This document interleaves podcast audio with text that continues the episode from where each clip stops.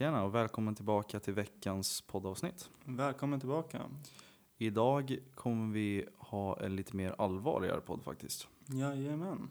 Vad ska vi prata om Thomas? Vi kommer faktiskt prata om eh, mobbning och eh, lite grann om psykisk ohälsa om man skulle kunna kalla det så. Ja men precis. Ehm, Så vi tänker att vi kör våran jingel direkt och så hoppar vi direkt på ämnet där tycker jag. Det tycker jag verkligen låter som en bra idé. Då kör vi. Det gör vi.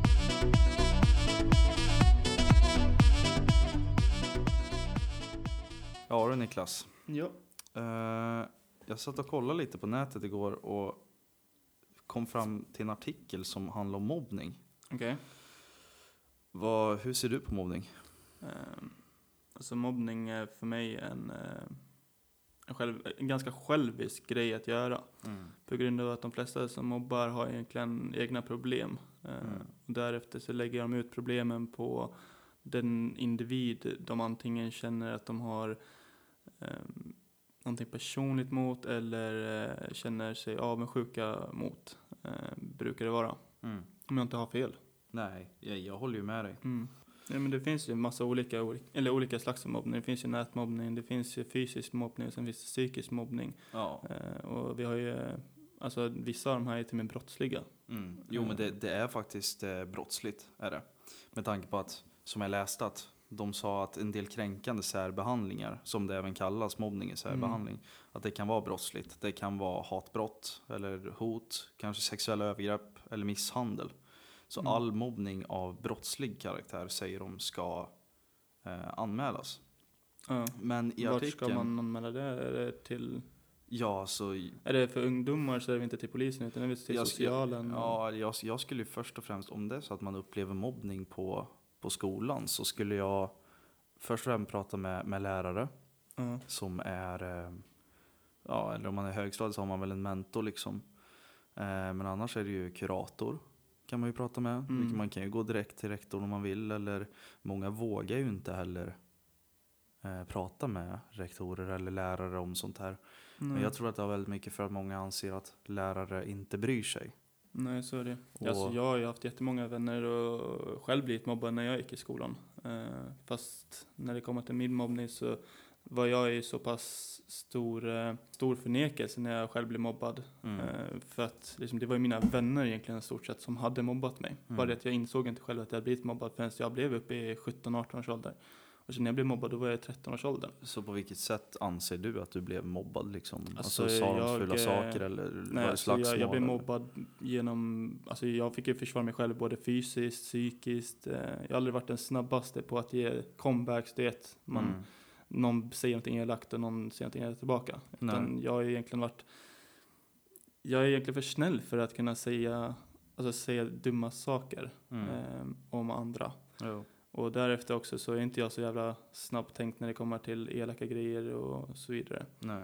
Eh, och där har jag ju blivit mobbad av mina kompisar för att de säger elaka grejer och jag blir, alltså jag tog egentligen inte illa upp på samma sätt som många väldigt gör. Nej. Eh, jag är ju, alltså, jag hamnar ju i den som sagt förnekelsen så att jag börjar ju mobba andra på Mm. grund av att jag själv mådde dåligt och då började jag mobba andra människor. Eh, och för den delen, jag har bett om ursäkt till alla som jag mobbade när jag var yngre. Mm. Eh, liksom när jag träffar de äldre och sådär, för jag vet hur jävla dåligt de mådde och så Mm. vidare.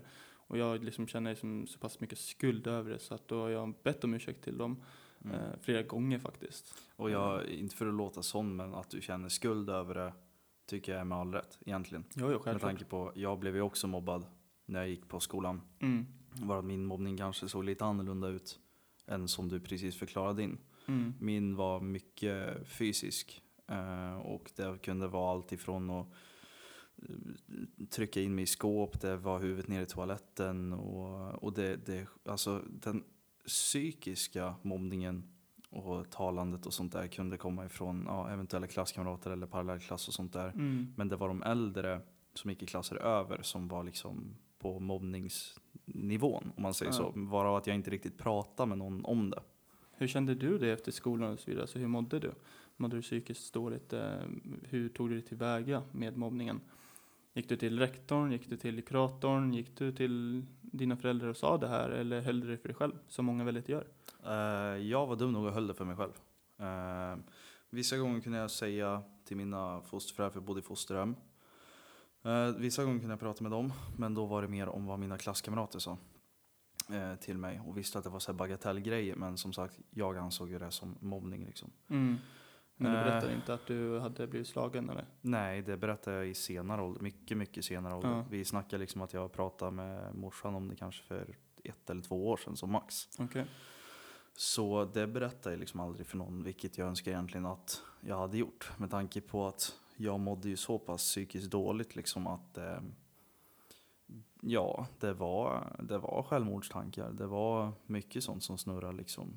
Eh, det var till och med försök till självmord förr i tiden. Mm. Eh, och jag är jävligt glad nu att inte Hur drog du dig vidare ifrån det? Ja, jag, helt ärligt så jag, jag vet inte riktigt. Alltså jag, jag pratar ju mycket med, med folk jag kunde lita på liksom, och ju mer Mm. man pratar med någon desto mer liksom släpper det ifrån bröstet. Ehm, men på något sätt så har jag väl inte helt 100% fortfarande kommit över det. Nej men det blir ju så. Man håller, alltså, saker som man upplever i tidig ålder, det håller man ju det håller man kvar i hjärtat. Man blir svårare att öppna upp sig själv. Man blir, alltså allting, det, det blir svårare på något Mm. sätt. Alltså du, du har svårare att öppna upp dig för din kärlek, eller du har svårare att öppna upp dig för dina vänner. Eh, liksom jag har ju väldigt många vänner som har blivit väldigt mobbade. Mm. Och vissa av de här lever inte idag. Och Nej. det är några av de finaste människorna jag kände när jag var yngre. Mm. Eh, och de tog livet av sig i ganska tidig ålder. Deras Ja. liv hade inte ens börjat ännu. Och det är, så, alltså, det är så tragiskt på grund av att som sagt de här människorna, då, det var de som log mest, det var de som visade mest kärlek, så, det var de som visade mest det, så är omtanke. det alltid Niklas. Jo men precis. Alltid de som ser gladast ut är de som är trasiga på insidan. Mm, men precis. Men det är ju Ehm. det här, alltså, man, man tänker ändå att det är så här, för de, de öppnar inte upp sig själva, utan de visar det, det glada utåt. Och man kan inte se, man kan inte hjälpa dem på något sätt förrän det är för sent. Nej. Eh, och det är sånt man själv först skulle känsla över, att man är så pass nära vän någon som mår så dåligt, men man ser inte det. Nej, men då, alltså, en grej som jag har gjort egentligen som, ehm, som kan vara lite bättre till min fördel är att jag har tagit nytta av min mobbning om man säger så. Mm. Att jag, ehm, jag menar alltså det är därför jag är den jag är nu. Ehm, musiken liksom, jag pushar mig ännu mer med musiken för just det är väl lite grann för att motbevisa alla som sa liksom, jag fick ju höra hela tiden, jag kommer aldrig bli någonting. Mm. jag är värdelös och jag kan lika gärna liksom försvinna och massa sådana saker. Så det handlar inte om så här något kändisskap eller om man säger så, utan det är mer, Du motbevisar de som... ja men jag motbevisar mig själv. ja, För mobbning kan få en, alltså mobbning, misstror sig själv. jo man, man hamnar väldigt mycket i den här att man kanske är sämre än alla andra, man kanske är värdelös. Mm. Man kanske liksom, ja att man inte borde finnas kvar, att kanske hela världen vore bättre plats liksom utan, utan, eh, utan att man är där. Mm. Men det, det vi måste också säga det är att det bästa av allt egentligen för att komma vidare från en mobbning, det är ju att prata med dina nära och kära eller prata med någon du, som sagt, som Thomas gör. Han, han pratar med dem han litade på.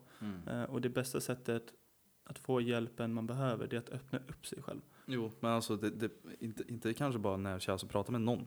Mm. Det, det är det viktigaste. Och Verkligen. då, alltså, och grejen är att alla, inte alla kanske, men många kan bli mobbade eller mobbare liksom. Det handlar ju inte liksom om, det var någon forskning som visade att det inte, det är inte i första hand de yttre förhållanden, fysiska egenskaperna eller någon social bakgrund som styr vem, Mm. vem som är mobbare eller vem som blir mobbad. Utan det har mycket med skolan att göra ibland också, eller personliga egenskaper, reaktionsmönster och ja, som sagt med skolan så är det ju beteendet, attityder och, och vissa rutiner som spelar roll Ja. om hur, vad, vad, vad det stod att hur utbredd mobbningen på skolan kan vara. Mm. Ehm, Men statistiken som jag kollade upp, jag, jag, jag blir ju jag blir fascinerad, inte fascinerad men intresserad av sånt här med tanke på att man själv har upplevt det. Mm. Det var 2019 hade de en statistik att i Sverige så är ungefär 60 000 barn utsatta för mobbning. Mm. Vi, vi snackar alltså 60 000 barn. Och det är ganska brutalt många liksom. Och Det är, varav- alltså, det är sjukt. 20% utav liksom alla barn i, liksom på skolor har blivit kränkta eller liksom nedtryckt av någon annan elev. Och de tydligen de otryggaste platserna på en skolan, eller på en skola eller utanför kan vara, alltså det är toaletter, det är omklädningsrum, eller så är det faktiskt på, på nätet sker väldigt mycket mobbning. Och när det kom till nätet så gjorde, det var Ung Online heter de, Mm. en undersökning som baserade på 1049 intervjuer med barn alltifrån 12 till 17 år. Som visar att faktiskt flickor är mer utsatta för nätmobbning än vad pojkar är. Jag kan faktiskt tänka mig det. Eh, vill du veta hur många procent det är? Eh, 46 procent av alla flickor i undersökningen uppger att de har blivit utsatta för mobbning eller elakheter. Eh, 39 procent av pojkarna har blivit det. Och totalt sett så säger alltså 43 procent att de någon gång har utsatts för nätmobbning. Och 68 procent utav alla de här 1049 känner någon som har blivit utsatt. Men de säger ändå att det är, alltså det är som sagt från 12 till 17. Tycker du att man ska ändra lagen inom som sociala medier, att de borde höja åldrarna på det? Att kanske 15-16-åringen ska få skaffa Facebook istället för Ja, 13 det, det, det, 12-åringar? hjälper, det hjälper inte. Du tror inte det? Nej, alltså väldigt få gånger förutom de statiska grejerna, eller alltså statliga grejer som Mm. Systembolaget eller krogar och sånt, så funkar så anser inte jag att åldersgränser funkar. Kolla till exempel, där, det här är Du menar att de kommer helt, det ändå? ja, men alltså det, det här är helt emot vad vi snackar om just nu, men om jag bara kan flika in det. Mm. GTA till exempel, som är 18-årsgräns.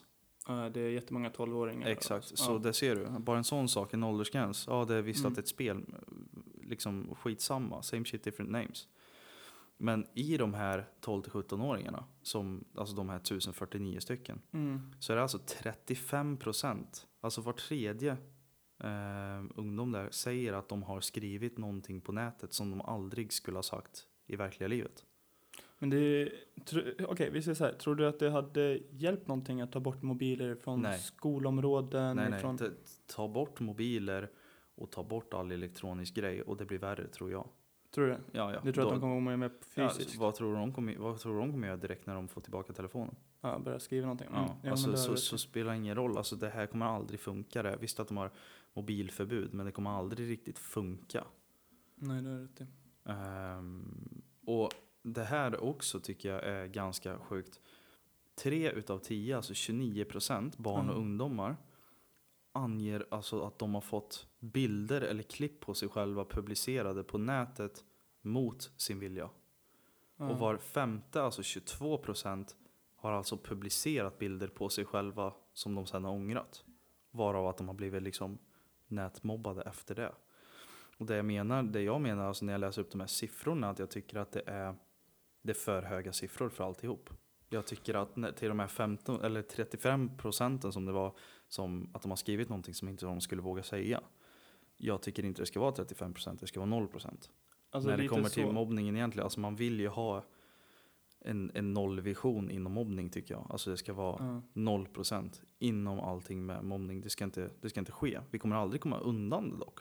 Men problemet är, jag tror att föräldrar har inte den kollen som de borde ha på sina barn. Nej. De borde egentligen ha, alltså det är så här, de flesta av dagens föräldrar sitter själv med mobilen och inte ger sina barn den tid de behöver. Mm. Och på grund av det här, vi, vi ser ett exempel. Eh, när man är hemma, sitter du med mobilen lika mycket om du hade, eh, nu som du hade haft ett barn? Nej, jag hade inte suttit med telefonen lika Nej, mycket. Men alltså, det är nej. jättemånga föräldrar i dagens läge som sitter med hellre mobilen och kollar Facebook eller Ja, men det ser man ju sociala när, medier. när, när de är ute och går med barnet så har de till och med Precis, telefonen. de har mobilen i handen. De ger inte sina barn den tid de behöver. De är inte leker med sina barn ute i, eh, på en lekplats. De är inte, eh, åker inte iväg och gör saker med sina barn. Utan de sitter hellre med sina mobiler. Mm. Och det är därifrån barnen förlorar det så här, den närhet, den sociala biten med sina föräldrar som de, jag tror de behöver. För att kunna få känna det som så här, det, de får inte den kärleken. Nej. Och därefter, då går de ut fysiskt mot andra barn. Men, men sen är det ju att barn lär ju sig från vuxna. Jo, Och som sagt, alltså vuxna mobbar ju varann också. mm. Det, det, det, det, är bara att ju- kolla på Facebook-sidor. Ja, ja, alltså det, det, nätmobbning är ju ett stort problem. Mm. Men det kan ju även vara, det kan ju handla om alltså, kommentarer eller kränkande bilder, Mm. alltså rykten eller vad som helst. Egentligen. Jo. Så, så barn lär ju sig utav, utav sina föräldrar, de, de som är vuxna. Det gör de faktiskt. Mm. Och det är det som är det tråkiga som sagt. Alltså, vissa föräldrar tycker inte jag ska skaffa barn överhuvudtaget. Nej. De tänker att ah, men vad gulligt det ska bli om man skaffar barn. Och sen sitter de ändå och mobbar eh, sina tjejkompisar eller eh, andra människor på nätet. Liksom. Mm. Och därefter, när dina barn blir äldre, då kommer de se de här eh, grejerna ni gör. Mm. Eh, och då kommer de ta efter det. Likadant om de går på dagis. Då kommer man sett att ah, men min mamma gör så här, då kan jag lika bra göra så här. Mm. Eller min pappa gör så här, då kan, min pappa, då kan jag göra så här. Men Eh. vis, visste du att mobbning på arbetsplatser är en av de största orsakerna till sjukskrivningar? Ja, För men det jag att det är de, alltså, de, bland alla de här sjukskrivningarna så är det ju utmattningssyndrom, eller vad, vad det nu Mm. heter, P, PTSD, alltså posttraumatiskt stressyndrom, blir ju Mm. väldigt vanligt utav eh, mobbning på arbetsplatser. Och mobbning på arbetsplatser är egentligen mycket, mycket större än vad man tror. Mm. Och vi snackar, det behöver inte vara fysiska saker. Det behöver inte vara att just att det här med att man, man slåss eller att man knuffas eller någonting. Det, Nej. och det behöver inte just vara att man kallar, kallar någon saker heller. Utan det, det kan vara utfrysningar. Mm. Eh, det kan vara även alltså, en nedlåtande blick eller vad som helst. Men jag kan ju berätta det också, när jag jobbade på ett företag eh, och vi åkte runt och sålde runt i Sverige. eh, Så jobbade jag under en, eh, en människa som, eh, som blev avundsjuk. För jag hade aldrig gjort den här, försäl- den här slags av försäljning innan. Nej. Och jag sålde extremt bra. Och det är så här, då blev jag glad, bara, "Ja, men fan kolla liksom, jag säljer skitbra. Och eftersom att hon är min teamledare Mm. så ska hon egentligen det så här peppa mig, bara, fan vad grym du fan vad grym du fan vad grym du. Eh, Men istället så tryckte hon ner mig för Mm. att hon såg sig hotad Mm. på sätt och vis. Eh, Och då eh, tryckte hon ner mig och sa att jag skulle komma ner på jorden, jag var inte så jävla duktig som jag var eh, och så vidare. Eh, Och därefter så började jag sälja sämre för att jag inte fick den här peppen, jag fick inte de här eh, glasklara orden en teamledare egentligen ska säga. Nej. Eh, och det är väl självklart att då mår man dåligt. Mm. Eh, och det är som, en psyke blir sämre på grund av att man inte får den positiviteten man ska ha på ett företag. Alltså Nej. jag anser, skulle jag starta ett företag så skulle det varit, alltså det, jag skulle ha peppat mina, eh, med mina eh, kollegor, mina eh, arbetare till någonting bättre. De skulle blivit glada, de får någonting för att de gör ett bra jobb. Mm. Eh, du vet, man peppar varandra. Ja. Men under väldigt många företag så är både chefen och kollegorna det är så här, de blir avundsjuka, de blir svartsjuka över någonting. Mm. Eh, de har inte det som den personen har, så de trycker ner den personen för att de, de har det den personen vill ha. Mm. Och det är så tragiskt. Mm. För att varför kan man inte bara se det bra i det den personen har istället för att se det dåliga som man själv inte har. Mm. Lite så känner jag. Så är det. Vi, vi, jag tycker vi kör en jingle här och så eh, kommer vi tillbaka alldeles strax. Kan vi göra.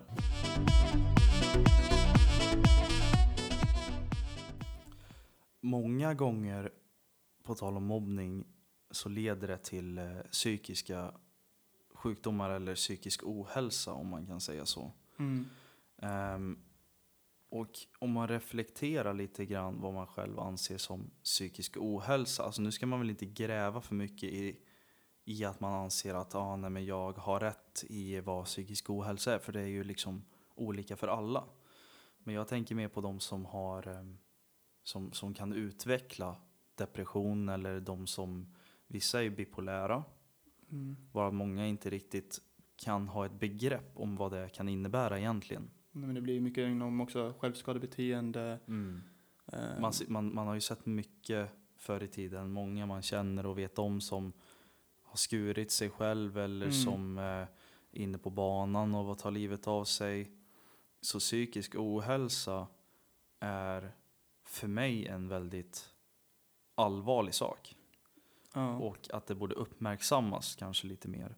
För det, det jag har stört mig på nu för tiden är att om vi snackar mobbning och allting och så snackar vi om, för det, det, det, det, mobbning kallas ju även för särbehandling. Men om vi snackar mobbning och särbehandling och även kränkningar Mm. så tycker jag att folk blir för kränkta nu för tiden. Alltså för lätt. Ja, alltså, Och visst att det är upp till var och en vad man anser som är mobbning och vad som är kränkningar. Men vissa saker kan man inte undgå att säga att det är lite onödigt att bli kränkt av en grej. Och jag har blivit kränkt över saker som är skitsaker egentligen. Mm. Ehm, och då, då tänker jag alltså om, om man är en sån som blir kränkt väldigt ofta. För varje liten grej, alltså jag har ju stött på folk som har blivit kränkt för bokstavligen varje liten sak. Om, om de människorna kan reflektera lite grann över hur den andra människan som sa någonting, hur den verkligen menar det och hur kanske den personen får den att må.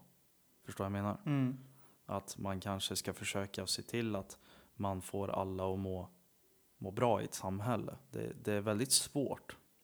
Det är nästan till omöjligt om man skulle komma in på att, eh, för att man vet ju att alla människor tänker olika. Mm. Vissa tycker att, alltså, som sagt, alltså alla passar ju inte ihop. Nej. Alltså du och jag har en ganska, ganska hård eh, jargong Ja. med varandra. Och skulle vi ha tagit in en tredje part i det som inte riktigt har den jargongen. Så kan den anse att vi håller på och mobbar varandra. Precis. Men och, en, en fråga till dig Niklas. Har jag någonsin sagt någonting, nu måste du vara helt ärlig. Har jag någonsin sagt någonting till dig som du har känt att ah, det där var lite för mycket? nej, Inte, inte någonting alls. nej. Eh, Jag, jag har en grej faktiskt. Jag, jag, jag kan ju ha sagt att jag har sagt saker som, Nej, alltså det, du har inte sagt saker, du har sagt en sak. vilken är det? Kommer du ihåg förra året när vi var med Mer? Ja, Där du höll på att säga till mig om på, vad, vad jag, det var nästan i princip vad jag än sa. ja, Så sa du att inte jag hade en åsikt för att inte jag hade ett körkort. ja. Och Fast- jag som, jag ja. som mådde så pass dåligt över att ehm, Jag ber om ursäkt för det. Ja, det, det är ingen fara, det, det har vi släppt nu. Mm. För nu har jag körkort. Nej, men just för att jag mådde jättedåligt över att inte jag hade ett körkort. Jag mådde jättedåligt över att inte jag hade ett jobb Mm. som, som genererade pengar. För du vet ju själv att jag inte fick betalt. Nej, jag vet. Så jag hade inte råd med ett körkort. Jag har aldrig haft råd. Jag har inte haft det stödet. Eftersom att jag flyttade hemifrån direkt när jag var 18. Liksom visste att jag kunde ha övningskört innan. Men eftersom att jag min ADHD och sånt fick man fick gå igenom, gå igenom så här läkarprocess och allting. Och sen så jag hade ju väldigt lätt då att bara stänga av. Mm. Och det var det enda jag reagerade på. Alltså det, det kunde vara vad som helst. Och du kunde säga det till mig att ja, på grund av du, Ja. du har inget körkort, du har ingenting att säga liksom. Får jag inte, inte lägga in ett försvar, men får jag lägga in en förklaring? Absolut. Hade, hade jag vetat att du mådde dåligt av det? Mm. För att när, du, när jag sa en sån sak, då kunde du skratta. Ja, eller rycka på axlarna. Rycka på axlarna Ja, och så vidare. det- Så det är så här, då, då vet inte jag riktigt om att du mår dåligt. Så, så. Hade jag vetat att du mådde dåligt över det, då hade jag självklart, jag slutade direkt. Mm, och det, det är poängen det jag ville komma fram för jag visste Mm. att du skulle säga en sån sak. Ehm, vilket kommer in i liksom att man mår dåligt och lite sånt Mm. här, att man, man inte tycker om att någon säger liksom att eller man är kränkt eller vad som helst. Där var det jätteviktigt för min del, för där jag gjorde felet var att inte jag sa till. Att jag inte sa, att visst att du gjorde fel som sa det gång på gång för att jag mådde dåligt, men Mm. det, det är ju ett underliggande fel du inte riktigt visste om, för jag borde ha sagt att Niklas, det, du får sluta, jag mår inte bra utav det. Nej men precis. Men Och- ibland så behöver man ju tänka också extra, så jag borde tänka extra, liksom, man, man ska ändå kunna se på sätt och vis vad man gör. Fast det, det, det- det, det är ju inte alltid man kan se det heller. Nej. Det, det, det är många gånger man kan man, vet att ja, men den här personen mår lite dåligt men man kan ju inte, man kan inte vara en tankeläsare och veta exakt Nej. vad det är liksom. Nej men precis. Ehm, Men det är lite så här grejer som man tar upp eh, med vänner och så vidare, när man säger liksom, eh, när, när man tar upp liksom att man mår dåligt eller det så här. Och vissa vänner man har ser inte det på samma sätt för att de Nej. aldrig har, det är så här, de aldrig varit med om det själva. Till exempel, vissa har ju aldrig känt psykisk ohälsa. Så om du säger att du har psy- psykisk ohälsa så förstår de inte riktigt grejen med psykisk ohälsa. Så att de säger, men vadå, det är bara, det är bara att gå vidare. mm. Det, du har upp och nedgångar i livet, liksom. du, det är bara att gå vidare. Men det är inte alltid så lätt när man har det. Jag hamnade i en depression för ett litet tag sedan. Mm. Eh, det var ingen så stor depression, men jag kände mig ändå, här, mina dagar bara gick, gick till inget. Mm. Eh, och då blir det ju så att man har man, man känner av det de andra har känt av. För att innan så har jag aldrig känt av depression på samma sätt. Nej. Men då förstår jag liksom, de människorna som har haft depression i hela sitt liv eller så vidare. Jag förstår varför de mår dåligt. Jag förstår Mm. varför de inte klarar av att gå iväg till jobbet ibland. Jag förstår varför de mår, mår bara piss. Mm. Alltså Eh, mycket, mycket har med förståelse att göra Ja. egentligen. Men man ska även alltså, det är ju som, vi, vi kände ju inte varandra riktigt, riktigt bra. Vi var i den här inlärningsprocessen där vi började lära känna Mm. varandra. Så jag kände mig inte riktigt trygg i att kunna säga till. nej. Och det, det är liksom, oavsett om det är en ny vän eller om det är en gammal vän så ska du alltid känna dig trygg i att kunna säga ifrån om någonting Ja. är fel. Så är det verkligen. Eh, Man ska aldrig vilket- känna att man ska ha ett behov till att... Eh, alltså, du, du, du du, ska du, du, ska, du ska inte rätta dig efter alla andra. nej. nej, Och det. alla andra ska inte rätta dig efter säga. dig heller. heller. Alltså det låter fel om man säger att ah, men alla andra ska rätta sig efter mig. Det säger vi inte. Nej, Men alltså du, du ska inte behöva vara någon annan än den du är.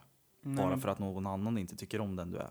Precis, Då- då men är man ska bara aldrig liksom- behöva ändra sig själv, Nej. utan man ska vara den man är och sen hittar man de vänner som accepterar den för den man är. Och det, det är ju Eh. som i den vuxenfasen jag har kommit in i nu. Mm. Eh, till exempel, vi kan ta, jag vet inte om jag nämnt det förr eller inte, men jag har ju skaffat glasögon igen. Ja. Eh, förr var det ju visst, det är så här glasögon, bla bla bla hit och dit och Mm. visste att det fick mig må dåligt. Men nu har jag ju skaffat, alltså jag har ju skaffat alltså tokrunda glasögon. Mm. Någonting jag aldrig hade vågat gå runt i förr. Nej men du sa ju ändå också att eh, ja, du är lite smårädd att folk kommer säga att Jo, du alltså, är, eller jag- jag- för Harry Potter. Jo, alltså nej, nej, inte att jag är rädd. Jag var rädd. Ja, Men jag är inte det längre för att jag anser att om de vill vara så omogen och kalla mig för saker på grund av att jag har någonting, alltså glasögonen visst att det, man kan ändra hur de ska se ut, liksom så här former och allting, men mm. de är ju till för att jag ska kunna se någonting. ja. Och varför ska jag då behöva bli eh, mobbad eller retad för mitt utseende för att jag ska kunna se någonting? Mm. Det är jag liksom måste visst, säga att du passar faktiskt i glasögonen. tack så mycket. Jag har, jag har faktiskt eh, fått oväntat många kommentarer, ja, kom, Ja. komplimanger över att jag faktiskt passar i dem. Det är det, man är mer rädd för någonting. Men mycket, mycket, har, mycket har med självsäkerheten Ja. att göra. tror jag. Alltså jag, jag visar, alltså nu när jag går runt med glasögonen. Jag, Mm. jag känner mig självsäker, men jag känner mig säker i liksom vem jag är och, och hur jag ser ut i dem. Mm. Det, det, det visas ju utåt. Mm. Så mycket speglas hur du är visas utåt egentligen. Mm. För mig har mycket, alltså utseendet har inte allting med det att göra, utan för mig är eh, personlighet det Mm. viktigaste. Precis som i helgen när eh, en jättes, alltså, jätteunderbar tjej kom över som hälsade på. Mm. Och jag tyckte, alltså hon har sjukt härlig personlighet. Mm. Och därefter tycker jag om henne. Mm. Eh, ja, man, man måste liksom se, man måste se personligheten innan man kan döma någon. Som, som man brukar säga, alltså, döm inte boken efter omslaget. Precis, Eller dömer hunden efter hund- håret. Ja, precis. Eh, och det, det, det, det ligger en logik i det. Mm. Det, och jag, jag lever ju nu för tiden, förr så, jag kan inte påstå att jag var elak och jag kan inte påstå att jag var mobbare. Nej. Men nu lever jag mer under en filosofi som inte jag levde efter och det, det är faktiskt den gyllene regeln. Så som du vill bli behandlad ska du behandla andra. Precis. Och alltså, inte för att alltså, no pun intended, men alltså svårare än så är det inte. Svårare än så är det faktiskt inte. Psykisk ohälsa dock kan komma ifrån mer platser än mobbning. Ja. Eh, Det kan även vara om eh, någon familjemedlem är sjuk eller Mm. om eh, man inte trivs i sitt jobb. Man kan ha dålig ekonomi. Ja, Man man, kan kan, ha- misslyckas med det man håller på och pluggar till. Ja, Man kan, eh, man kan misslyckas med eh, pluggandet till körkortet. Ja, man kan- man kan- Det är så mycket. ja eller typ som när jag gör musik. Visst att jag Mm. mår lite dåligt om, om inte jag får streams eller att inte om jag Mm. hör någon säga att de inte tycker om min musik. Men det, det är ju någon slags, håller du inte med mig? Eller eh, tycker du att jag är helt fel om jag säger att det är ju någon slags Inre stress. Ja, alltså någon psykisk ohälsa kan komma ifrån så mycket mer än bara mobbning. Ja. Egentligen. Jo, men alltså det handlar ju mycket om inre stress också. Mm. Och inre stress får du genom, eh, vi säger, eh, till exempel jag som har ADHD. Mm. Jag har ju inre stress på grund av att man, man ser på andra hur de dömer en bara för att man har haft så svårt med koncentrationer eller svårt med, eh, med pluggande, Mm. man har svårt med att hålla sig lugn i vissa Det- situationer. Man har även, jag som också har ADHD, alltså man kan även ha svårt att kommunicera med andra, alltså en Ja. social fobi om man säger så. Ja. Eh, och en grej som jag faktiskt brukar testa lite med folk som inte har ADHD, nu vet jag inte om det funkar, för, alltså om det är samma för dig. Mm. Men till exempel stora utrymmen där det är mycket folk, eller matsalar eller kaféer där det är mycket folk. Jag hör ju allt buller runt om mig, Ja, ja. helt, alltså jättehögt. Ja. Och det jag brukar säga, alltså det, det, det blir inte lägre volym. Så när någon som inte har ADHD så brukar jag alltid säga så här. Var tyst, helt knäpptyst i Mm. 10 sekunder och lyssna på omgivningen. Och för varje sekund som kommer gå Mm. så kommer det bli högre och högre volym, tro mig. Och så brukar de testa och så brukar de säga ah, jag, jag håller på att bli galen, vad är det som händer liksom? Mm. Då, säger, då brukar jag alltid säga sådär är det för mig att ha ADHD. Mm. Det är, liksom, det är så mycket som rör sig i huvudet och som sagt, man kan utveckla en slags social fobi. Mm. Men det kan, alltså, det kan även komma fram fobier, vissa som har ADHD eller andra som vanliga personer kan ha fobier för sjukdomar överlag. Och jag menar, jag i somras så testade jag mig för, ehm, eh, för jag rökte jättemycket. Ja. Alltså jag rökte ju sjukt mycket. Jag har ju rökt sedan alltså, många år tillbaka. Och där jag, började, alltså jag började bara hosta hela tiden och det var liksom, ja jag mådde illa liksom. Så började jag testa mig för det och ja, kort sagt så visade det sig att jag hade rökastma. Men jag testade mig för KOL och allting och största rädslan kom direkt att tänk om jag har cancer nu. Mm. Det, jag tror det är Det min största... ganska, alltså det måste ju varit en inre stress. Det, det, det var jättestressigt med tanke på att inte jag kunde få något svar direkt. Nej. Och Och- du sitter med det och väntar hela tiden och så. Ja, Det- och det- det, är ju en, det är en fobi för mig. Alltså det är ju, jag tror sjukdomsmässigt Ja. så är nog, alltså jag, cancer tror jag är det jag skulle vara mest rädd för Mm. att få.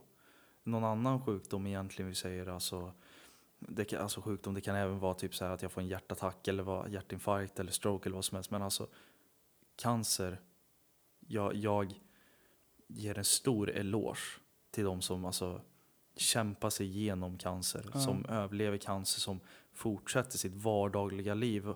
Visst, att, visst att de inte är rädda för att visa att det har varit jobbigt. Mm. Men det, men men det, de, de visar ändå utåt att ja, jag, jag klarar det här. ja.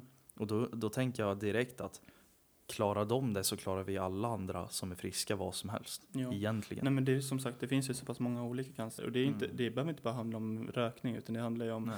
alltså, någonting som kommer från DNA eller det kommer från Alltså det finns så pass många olika slags att få cancer. Mm. Vissa föds med cancer, vissa får det vid 16 års ålder fast Mm. de aldrig har rökt en, äh, rört en cigg eller de har aldrig rört en alkohol. Alltså de har inte rört någonting som kan Nej. ge dig cancer men det bara kommer. Eh, och det är så tragiskt när det kommer till sådana grejer. För att eh, man, man kan ju tycka att alla ska få samma mening i livet. Eller Mm. så här. Man, man ska liksom få känna det som, på samma sätt som alla andra. Mm. Alla ska få må bra, alla ska få eh, det alla andra får, Mm. så att säga. Men vad, vad ska man göra? Liksom? Det, det är tyvärr så att livet fungerar. Det, det kommer och det går. Liksom. Mm. Eh, Har, du, den- har du någon eh, fobi för någon sjukdom? Eller att du liksom att du ska få någon slags sjukdom eller att du... eh, Nej, alltså min fobi det är att mina nära och kära skulle få, Mm. få en sjukdom. Mm. Alltså till exempel jag är livrädd att min mamma skulle få eh, corona. Mm. På grund av att jag vet att hon har så pass många underliggande sjukdomar så att hon, hon ska inte klara av det. Nej. Eh, och det är det som gör mig rädd liksom. Att Mm. de som är nära och kära skulle få det. Jag har, en av mina fobier är att min syster jobbar på Sahlgrenska. Mm. Ehm, Men är hon frisk eller hon, ja, hon, hon har inte fått någonting. Nej men jag menar eh, underliggande sjukdomar eller någonting. Nej, inte vad, inte vad jag vet om. Nej. Ehm, För de säger ändå att corona görs, eller corona smittar betydligt mycket mer när det kommer till, eh, eller dödligare när det kommer till underliggande sjukdomar. mm. Så som diabetes eller så som eh, eh, dåliga lungor Mm. och dålig, dåligt hjärta och så vidare. Har du pacemaker eller någonting sånt där så Du, menar, du menar pacemaker va? Pacemaker. Ja. Jag, jag tänkte att jag antar att min syster kanske lyssnar på det här. Och eh, Marie heter hon. Du får jättegärna skriva till oss eh, hur det är för dig på, på Sahlgrenska och sånt så kanske vi kan ta upp det Mm. i nästa avsnitt eller någonting. Men det gäller även all, alltså, du som lyssnar också. Att du, du får jättegärna skriva in till oss på vår Instagram svarare ansa. Eller Mm. svårare än så är det inte kan man också söka på om, om du har någon fobi för någon sjukdom eller om du känner någon som, som har eh, någon sjukdom och överlevt eller gått bort eller någonting. Ja. För Vi, kan hjälpa andra människor. ja, och vi är faktiskt intresserade av, av att veta liksom. För, för det, vi engagerar oss mycket i Mm. sånt där. Eh, Och det, det är väldigt, alltså för oss är det viktigt att till exempel har du kommit igenom en grej, eh, kanske någon annan går igenom just nu mm. och vi tar upp det och de lyssnar hur du gjorde så kan det Mm. hjälpa väldigt mycket. Och, och det gäller även när som våra förra segment när vi pratar mobbning Mm. och eh, psykisk ohälsa. Precis. Skriv gärna till oss om det också. Eh, för det, det vi gör är att inte vi bara, vi läser inte bara, alltså vi, om, om ni behöver, om ni eller du behöver prata med någon Mm. så finns ju vi där också och Ja, kan svara på era meddelande och Vi kan försöka hjälpa er så mycket Ja. som möjligt. Behöver ni bara en vän så vi är jättesnälla. Vi bits inte. nej, det gör vi inte. Inte jag i alla fall. Nej, inte jag heller. Nej, det hoppas jag inte. nej, men eh, skämt åsido så. ehm, och är det så att du sitter och lyssnar och inte våg, har vågat berätta för någon Mm. om varken sjukdomar eller eh, psykisk ohälsa eller mobbning så kan vi hjälpa dig. Ja, vi, kan, Ehm. vi håller allting privat. Ja, Så att du verkligen får, får någon som hjälper dig igenom det. för det är inte alltid som sagt att man vågar prata med någon. Nej. Men Eller någon som känner dig nej, förstås. och oss kan du prata med Mm. Faktiskt. Speciellt som sagt, Thomas har varit med om eh, mycket om det själv. Och han kan ge dig tips och hur du kan hjälpa Fast dig. du har ju också varit en Jo. slags mobbning så jag menar du kan ju också. Självklart. Eh, så Prata om det, det. Jag, jag hjälper dig med det jag kan. Mm. Eh, Men som sagt, jag levde i förnekelse fram till jag blev 17 så att för mig så, jag har ju gått igenom det på ett helt annat sätt. Mm. Eh, Jag visste liksom inte själv om att jag var mobbad förrän jag insåg liksom när jag blev 17-18 år Mm. eh, att fan jag har varit mobbad. Mm. Jag var utstött. Jag blev mobbad av mina egna vänner och så vidare. Och så ska det inte vara för någon överhuvudtaget. Så gör jättegärna så att ni kan, ni, ni får jättegärna skriva till oss. Och Mm. är det så att om, om, om du vill bli hörd eh, i våran podd, nu, kan, nu har ju inte vi extremt många lyssnare om man säger så, men vill du bli hörd så kan vi lösa det också. Vi kan Ja. ringa upp dig i, ett, i, ett, i en poddinspelning. Du kanske vill berätta hur du gick igenom det och hur du gick vidare ifrån Ja, så, så skulle vi jättegärna vilja ta upp det i, i nästa podd. Gärna. Men eh, jag tror vi rundar av här faktiskt. Det, det låter faktiskt som en bra idé. Och jag har en bra idé. Det är att ehm, vi kommer nu införa vad vi kan kalla för veckans ros. Veckans rosa. Och det är att det är ingen sponsring eller någonting utan vi, vi nämner upp folk vi tycker är värda att nämna. Mm, de Och som gör, Jag gör har mycket för sig själva, gör mycket och för för andra. mycket för andra. Och Mm. visst att man vill nämna så många och men två stycken jag skulle vilja nämna just nu. Mm. Eh, den första är eh, Joakim Järn, heter han. Det Mm. är han som har gjort musiken till mina två låtar som vi har spelat i den här podden. Och just att jag nämner honom är för att man har fått så sjukt bra respons på låtarna. Mm. Eh, Han har lärt dig mycket.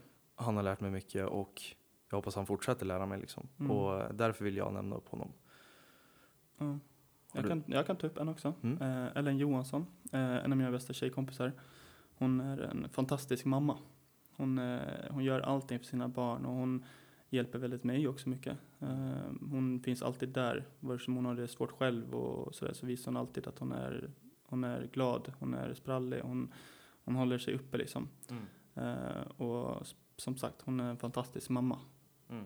Ja. Och den andra jag faktiskt tänkte nämna och det är lite i samband med det som kommer här nu. Det är eh, Fredrik Jansson.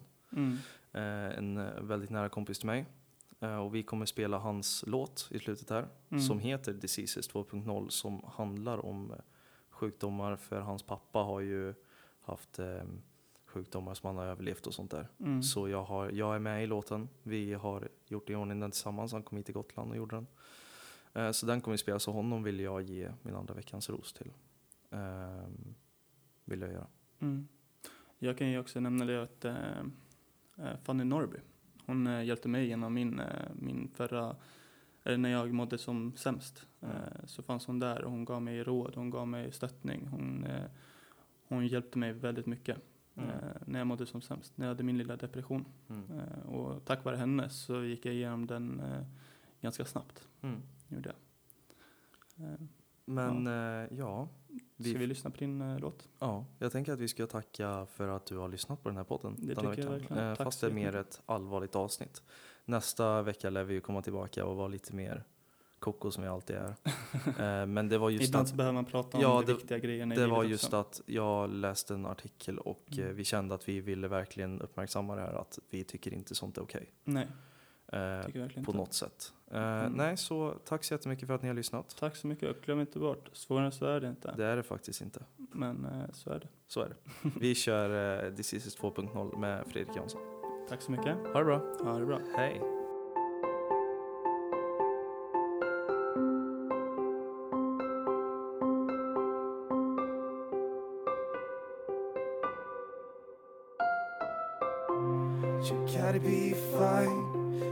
Gotta be free. You do everything to look out for me. On the rainy nights, the sunny days, you keep having that whole happy face, like nothing's wrong. Yeah, you are strong, stronger than anyone, anyone I know. I know you will keep it I remember the first call. Oh no, we were all about to fall. We don't know what to do, just know we're gonna be there for you. Uh, I went down on my knees for you and cried, and I know my heart went to pieces. I thought that you would die. All I have to say is fuck diseases. Fuck diseases. You don't have to be alone. We are here, even when it's gray and cold. Fuck diseases. You don't have to be alone. Whoa, you got to be strong. Yeah, you got to be brave. You're gonna be fine. And I'm telling you, I, I'm gonna fight for you until the day I die. You coming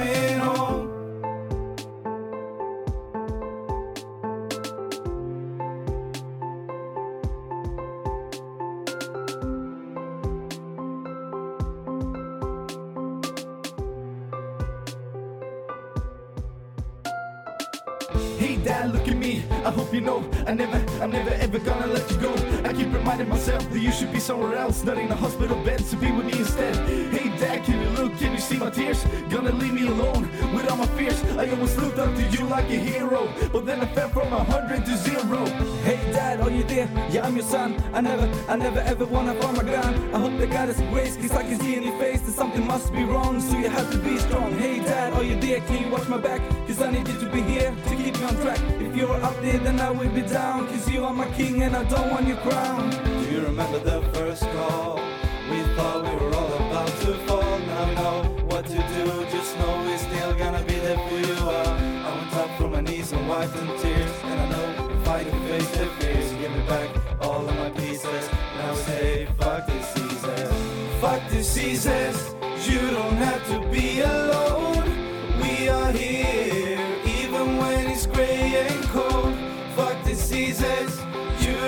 to be alone. Whoa, oh, oh. you got to be strong. Yeah, you got to be brave. You're gonna be fine. And I'm telling you, I, I'm gonna fight for you until the day I die. You coming home? Fuck diseases. You don't have to be alone.